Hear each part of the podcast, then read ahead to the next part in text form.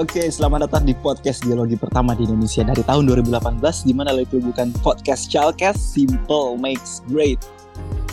Lo lagi mendengarkan gue Rian alias Kopong dan partner siaran gue yang paling baik hati siapa lagi kalau bukan Yedi. Halo Yed, apa kabar? Halo cuy, dan lagi-lagi gua sama Lupong rekaman virtual. Rekaman virtual dari episode berapa ya? Sekarang udah episode 56, buset. Emang emang bangsat nih pandemi. Pandemi kita susah jumpai kan? Iya kita udah kita udah hampir setahun ya gak ketemu ya. Asli, asli pak.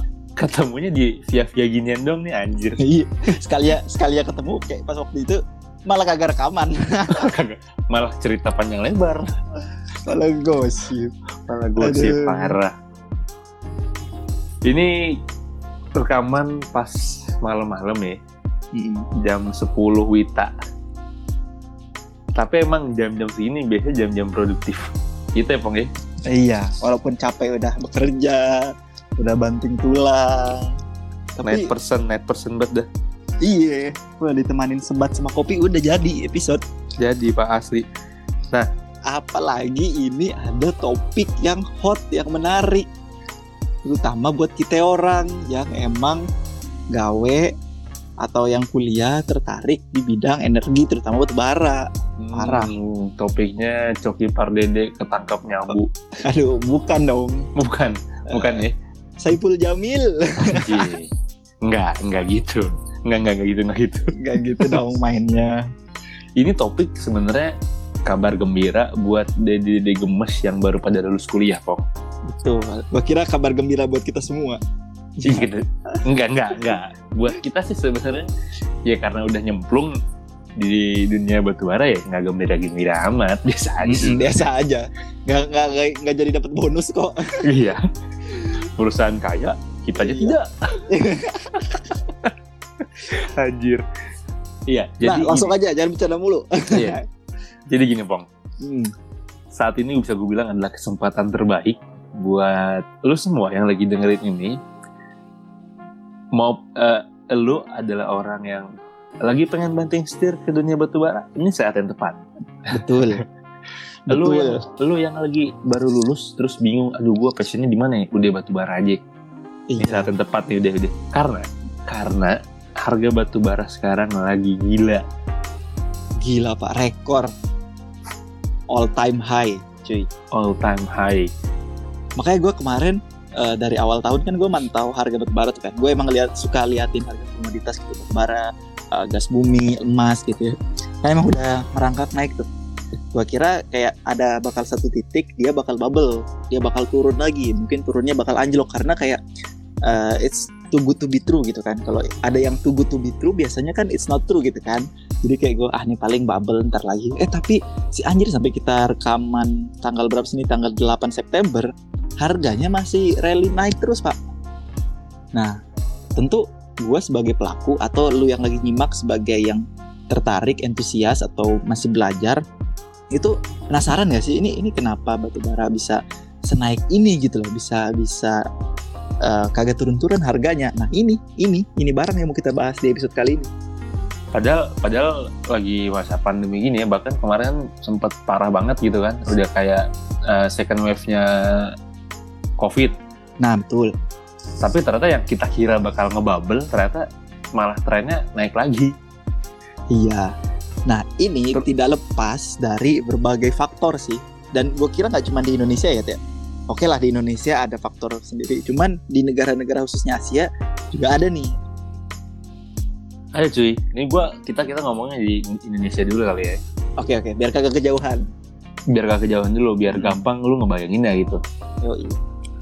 jadi eh, gini pong Eh gue kasih konsep kayak batu bara adalah barang dagangan ya nggak sih Ya komodi komoditas, komoditas. komoditas komoditas eh, yang bisa diperjualbelikan Betul. Nah konsep jual beli yang gue pelajarin yang setahu gue itu ada namanya kan supply and demand. Pasti lu pernah dengar ya kan? Hmm, hmm.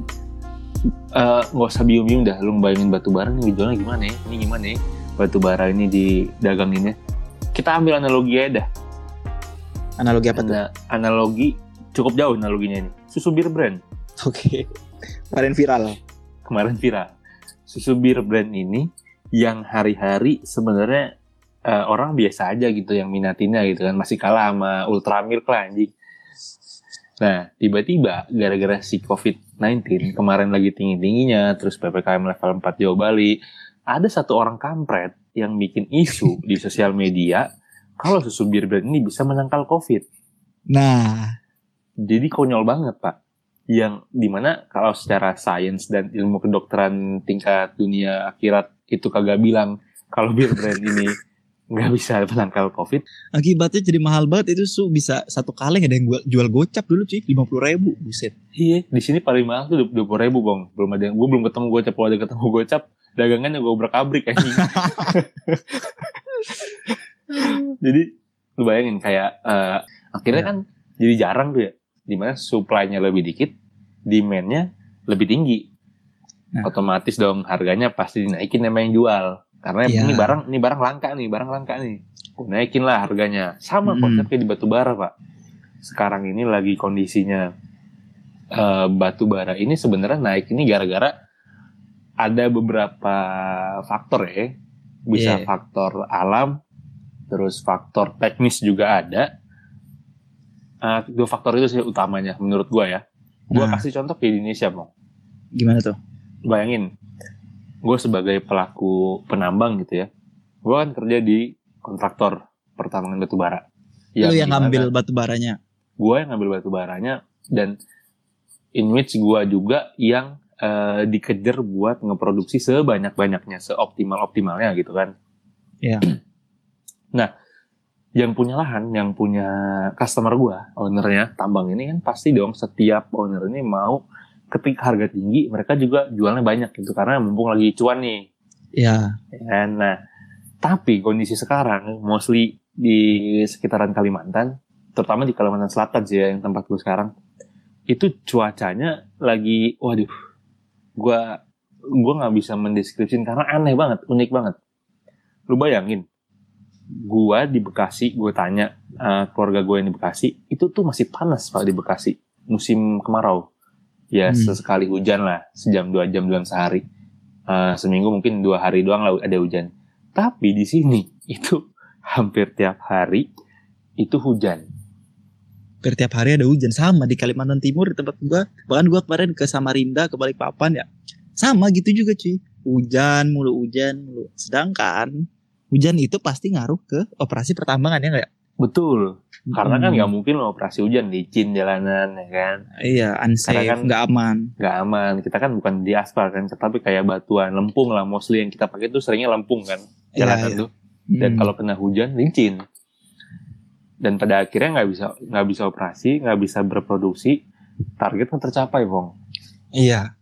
Istilahnya mah kalau tadi misalnya beer brand dia bikin sama orang gitu dan itu tuh supply-nya pasti gitu kan. Kayak terus aja segitu. Nah, kalau batu ba- kalau kalau batu bara nih mungkin agak beda sedikit karena apa? Karena dia diambil dia kan nggak dibikin ya emang emang ada di bawah gitu. Lu tinggal ambil aja kalau udah ketemu lu tinggal ambil. Nah, masalahnya proses ngambilnya ini kalau tidak mendukung misalnya kayak cuaca yang lagi buruk banget sekarang ini ya sudah barang nggak keluar otomatis numpuk itu orderan ya sudah harga jadi tinggi banget Tinggi terutama banget. juga terutama juga lu tahu kan Indonesia itu penghasil batu bara dan juga dia bukan cuman dipakai di dalam negeri tapi dia juga diekspor pak keluar.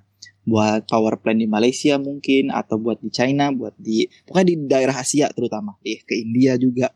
Nah otomatis eh, permintaan di luar kan gak ujuk-ujuk oh iya musim hujan nih gak usah pesen batu bara. Kan gak gitu ya. Tetap Nggak aja gitu. orang minta buat pembangkit kayak gitu. Iya, jadi kayak kita nggak lancar operasinya, tapi itu ke, eh, permintaan dari luar negeri yang mana itu bakal mempengaruhi harga global tuh terus-terusan gitu. Jadi kan kayak pasti harganya pasti bakal naik gitu. betul Dan ini ternyata juga eh, kayak kondisi cuaca gitu ternyata bukan kejadian di Kalimantan Indonesia doang, Pong. di mana aja emang Tapi di Cina juga sama. Coba lu kayak lu baca baca baca baca baca berita deh. Lu bayangin cuy, di Cina ini itu udah berapa kali tambang kebanjiran. Oh iya iya iya yang banyak di video-video TikTok itu. Iya anjing video video TikTok. Ah, ah. Ketahuan gue bukannya apa.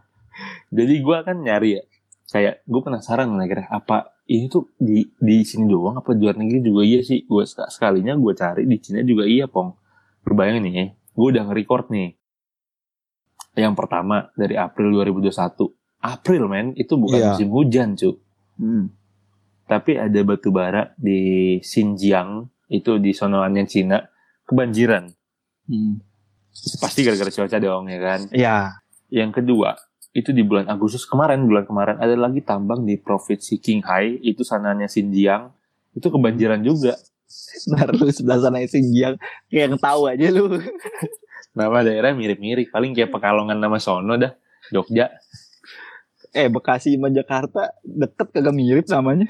anjing Udah ya, lanjut lanjut. Di mana lagi Iya. tuh kecelakaan?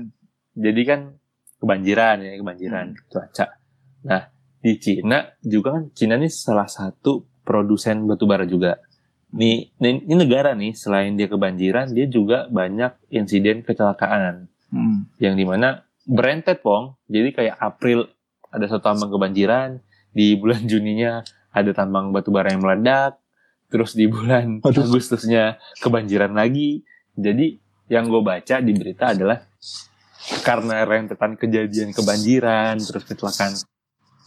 Lain.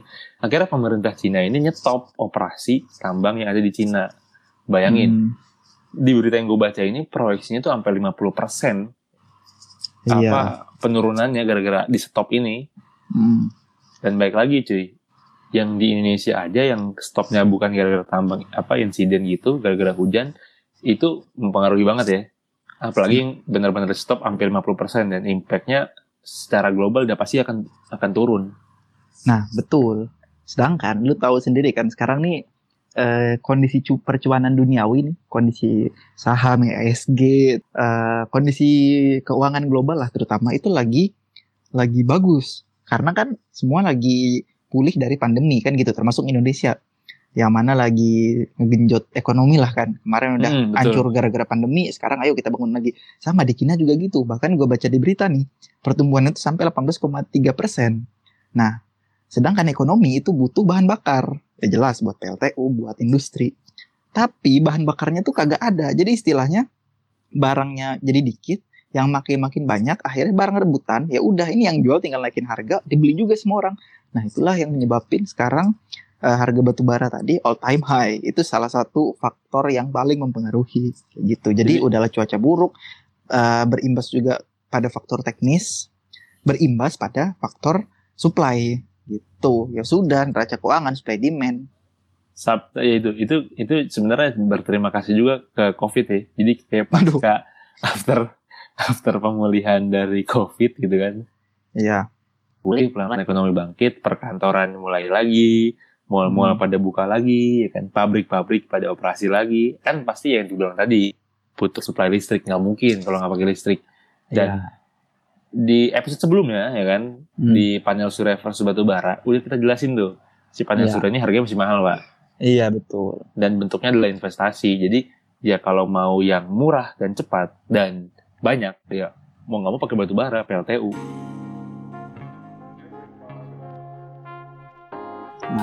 Ini kan kalau tadi dari faktor alam ya, Tia. Ya sudah lah kalau misalnya faktor alam mungkin memang musimnya. Kayak lu bilang tadi kan, ini bulan belakangnya berberan kan. September, November itu biasanya musim hujannya nggak. Betul. Tapi ada satu faktor lagi nih yang eh, memperparah kondisi. Gitu. tuh, Pong? Memperparah kondisi. Ini mah bukan faktor alam, ini mah faktor manusia gitu. Manusia yang pada dasarnya emang doyan ribut. doyan Emang. ribut, Pak. Heeh. Seven Seven apa tuh? Seven Deadly Sins. Seven Deadly Sins. Iya, nah ini seperti lu tahu Cina kan lagi berkembang ekonominya, tapi banyak yang gak seneng kali ya kemarin udah perang dagang sama Amerika. Sekarang nambah lagi nih perang dagang antara Australia sama Cina gitu. Senang ribut Cina kita lihat-lihat. Senang ribut. Yoi. Jadi ada perang dagang, saling boykot-boykotan, makin gak ada barangnya, makin mahal lagi. Begitu. Sementara kan sebenarnya kan Cina kan salah satu apa namanya impornya kan ke Australia. Nah, betul, betul. Barangnya gak nyampe bang ke Cina. Ribut duluan di laut. Ribut duluan Iya. di laut. Bukannya dagang malah ribut goblok. Iya, jadi udahlah tadi ya ada faktor cuaca di di China di Indonesia di di China dulu deh di China itu faktor cuaca nyebabin kendala teknis tidak aman operasi operasional tambang berhenti kan di Indonesia juga sama di Kalimantan kayak tempat si Edi tadi uh, cuaca buruk juga operasional terganggu. Nah ini yang ditambah lagi perang dagang. Di Korea juga ikut ikutan nih ya ini ini kebanyakan ngeproduksi drakor anjing kalau Korea mah. Asli asli. Kenapa tuh uh, ada kebakaran ya? Lu, lu ini kan kemarin Ke apa? Iya gue yang gue bilang cerita ke lu itu pong. Ah, ah. jadi anjrit apa pas kita in the making of this episode gitu kan kita nulis nulis apa namanya? Nulis list list apa sih penyebab nih batu bara ya nah yeah. yang kita ketemu ini kan cuaca ekstrim banyak insiden di Cina gitu kan nah, ada satu yang konyol anjing Korea jadi di Korea itu di bulan Mei 2021 itu ada pembangkit listrik naga nuklir di kebakaran Asli pak, pak. Kita kok ke, mereka kebakaran kita ketawa ya goblok dan anjing. Jatuh. Just, Sedangkan tapi, tapi maksudnya di apa maksudnya mereka sudah pakai nuklir gitu kan ya. Udah sangat maju gitu. Tapi tiba-tiba membutuhkan lagi batu bara. Kebakaran. Iya astaga. Nama jadi gara-gara nama pembangkit nuklir tuh Sinkori 4 bang di Korsel yang kalau nggak salah kapasitasnya mencapai 1,4 juta kilowatt cuy. Astaga. Jadi gara-gara ini kebakaran, otomatis dia cari energi lain kan. Makanya yang Korea tadinya mungkin uh, ketergantungan sama nuklir, akhirnya dia cari alternatif lain. Ya apalagi kalau bukan batu bara, jadi butuh lagi, makin banyak demandnya, makin mahal cuy. Sebenarnya kalau kalau gue bilang Korsel ini lebih macam kayak pepet cuy. Nah iya, iya pepet. Jadi kayak dia udah dia sudah udah settle gitu ya 1,4 juta kilowatt di Sinkori 46 mereka gitu. Tapi kebakaran lah adalah akhirnya wah ya juga udah nggak bisa nih gue maksudnya kalau mau nge-repair juga butuh waktu yang cepet aja lah udah. Iya. batu bara batu bara gue gue mau beli batu bara di pasar global. Akhirnya yang tadi harusnya yang pembelinya gitu contohnya kayak pembelinya cuma Cina sama India gitu kan. Ketambahan lagi nih. Hmm. itu Korsel datang nih set gue pengen beli batu dah. Nggak ada bos batunya. Gitu. ada kecukong sana. Astaga dinaikin. Ya udah dibeli aja tuh harga mahal ya kan? Itu aja konsepnya itu dari Korea bong. Ada lagi ah, ada lagi nih. Ada Apa lagi. Coba? ada lagi tetangganya nih Jepang. Di Jepang itu kan sekarang lagi musim panas ya. Nah ini kok aneh ya? Di Cina musim hujan di Jepang kok musim panas ya? Gue gue kadang-kadang juga bingung gak padahal kan padahal kan deketan ya? Iya. Aduh ini nih pemanasan global makin nyata nih. Satu musim dingin satu musim panas. Astaga. gimana di Jepang tuh iya jadi kalau di berita nih karena gue nggak pernah ke Jepang gue tahunya dari berita jadi percaya percaya aja lah. Jadi kalau kata berita di Jepang ini sekarang lagi musim panas. Intinya kayak gara-gara musim panas eh, kebutuhan listrik juga makin meningkat ya ekonomi juga lagi bagus. Jadi mereka eh, apa namanya mendimen atau menginginkan menginginkan batu bara sebagai sumber energi mereka jadi lebih tinggi juga kayak gitu. Jadi sama aja kasusnya kayak Korea Korea Selatan tadi yang mana mereka butuh batu bara, Jepang sekarang uh, intinya lebih membutuhkan sumber energi lagi yaitu batu bara. Jadi apa namanya? Jadi permintaan batu bara dari Jepang ini juga lagi meningkat sekarang. Hubungannya apa dengan musim panas tadi gitu. Nah, akibatnya lagi ya meningkat tuh harga acuan batu bara global gitu. Yang mana otomatis harga coba harga acuan batu bara global ini itu bakal mempengaruhi harga batu bara di tiap negara kayak gitu. Contohnya misal mungkin gue tambahin kan di Indonesia itu ada ICI atau Indonesian Coal Index. Itu ada 6 kah 5 ya? Ada level 1 sampai 6. Itu misalkan level 1 itu gue lupa deh urutannya itu apakah dari yang gar kecil dulu atau gar tinggi dulu. Intinya misalnya uh, gar 1 itu eh gar 1 sorry, level 1 itu gar 3.500 gitu misalnya nanti gar 2 naik 4.000 kayak gitu 3.800 dia naik naik naik kayak gitu nah itu tiap harga acuannya tuh beda kalau yang gua terakhir ikutin itu kayak misalnya gar 5.000 gar 5 ribuan itu berada di harga 120-an uh, dolar per metric ton artinya ya gara-gara tetangga-tetangga Asia kita ini lagi pada belibet pada kepengen beli batu bara terus juga supply-nya berkurang, ya sudah harga batu bara makin naik dan naik dan naik. Gitu. Jadi itu adalah segelintir alasan yang coba kita rangkum ya, Pong ya. Eh bentar bentar ada tambahan yang dikit dikit lagi Oh, yang iya, bawah. sok, sok tuh. Nah terus juga hmm, harga batuan tadi kan gue bilangnya harga indeks ya. Misalnya Indonesia ada ICI, terus mungkin nanti Jepang, China, Australia juga punya indeks harga masing-masing. Nah tapi kalau eh, dengan GAR berbeda ya. Oh iya gue lupa deh. Kalau misalnya yang pada belum tahu nih GAR itu apa? GAR itu adalah gross as receive ya. Gross as receive. Jadi itu adalah bat- kondisi batu bara yang secara mentah diterima gitu. Jadi lu ambil batu baranya tuh nggak dikeringkan, nggak diapa-apain, jadi diterima langsung dites gitu intinya. Nah makanya GAR itu satuannya kalori. Jadi berapa kalori yang dihasilkan dari batu bara tersebut. Nah selain GAR ada juga eh, tadi kan GAR tuh bisa kita katakan kalori ya. GAR tuh lebih ke istilah slang lah ya. Yang in- yang benar tuh adalah kalori. Nah harga acuan batu bara dunia tadi atau harga acuan batu bara global tadi itu berada di nilai kalori 6322 dengan total moisture-nya 8%, sulfur 0,8 dan S-nya 15% gitu. Jadi itu kayak total moisture itu kelembapan yang dimiliki oleh batu baranya, sulfur dan es itu kayak unsur pengotornya dan ya biasanya orang pasti mintanya tuh kalau bisa yang un- unsur sulfurnya itu di bawah satu persen. Nah itulah tadi harga harga batu bara acuan global tadi speknya seperti yang gue sebutkan kayak gitu. Nah, jadi itu bisa dibilang segelintir alasan kenapa harga batu bara itu meroket banget sekarang yang coba kita rangkum. Nah, Nah. kalau lu pada punya alasan lain, punya isu lain tuh bisa di komen ya, Bang ya. Nah iya, lu misalkan bang eh, pengen tahu dong nggak apakah migas bisa berjaya lagi apa kagak misal kayak gitu atau nikel tuh gimana sih? Lu bisa banget langsung aja DM ke Instagram @chalkes atau email ke chalkes@gmail.com. Ntar kita balas tuh di situ. Terus juga semoga gue sih berharap sih gini, Bang. Semoga Gimana? si harga batu bara ini sih dibilang gue sih nggak mengharapkan dia itu naik lagi ya. Iya. Karena dibalik kenaikan yang signifikan sebenarnya ada kekhawatiran di yang gue pikirin gitu. Apa tuh salah satunya?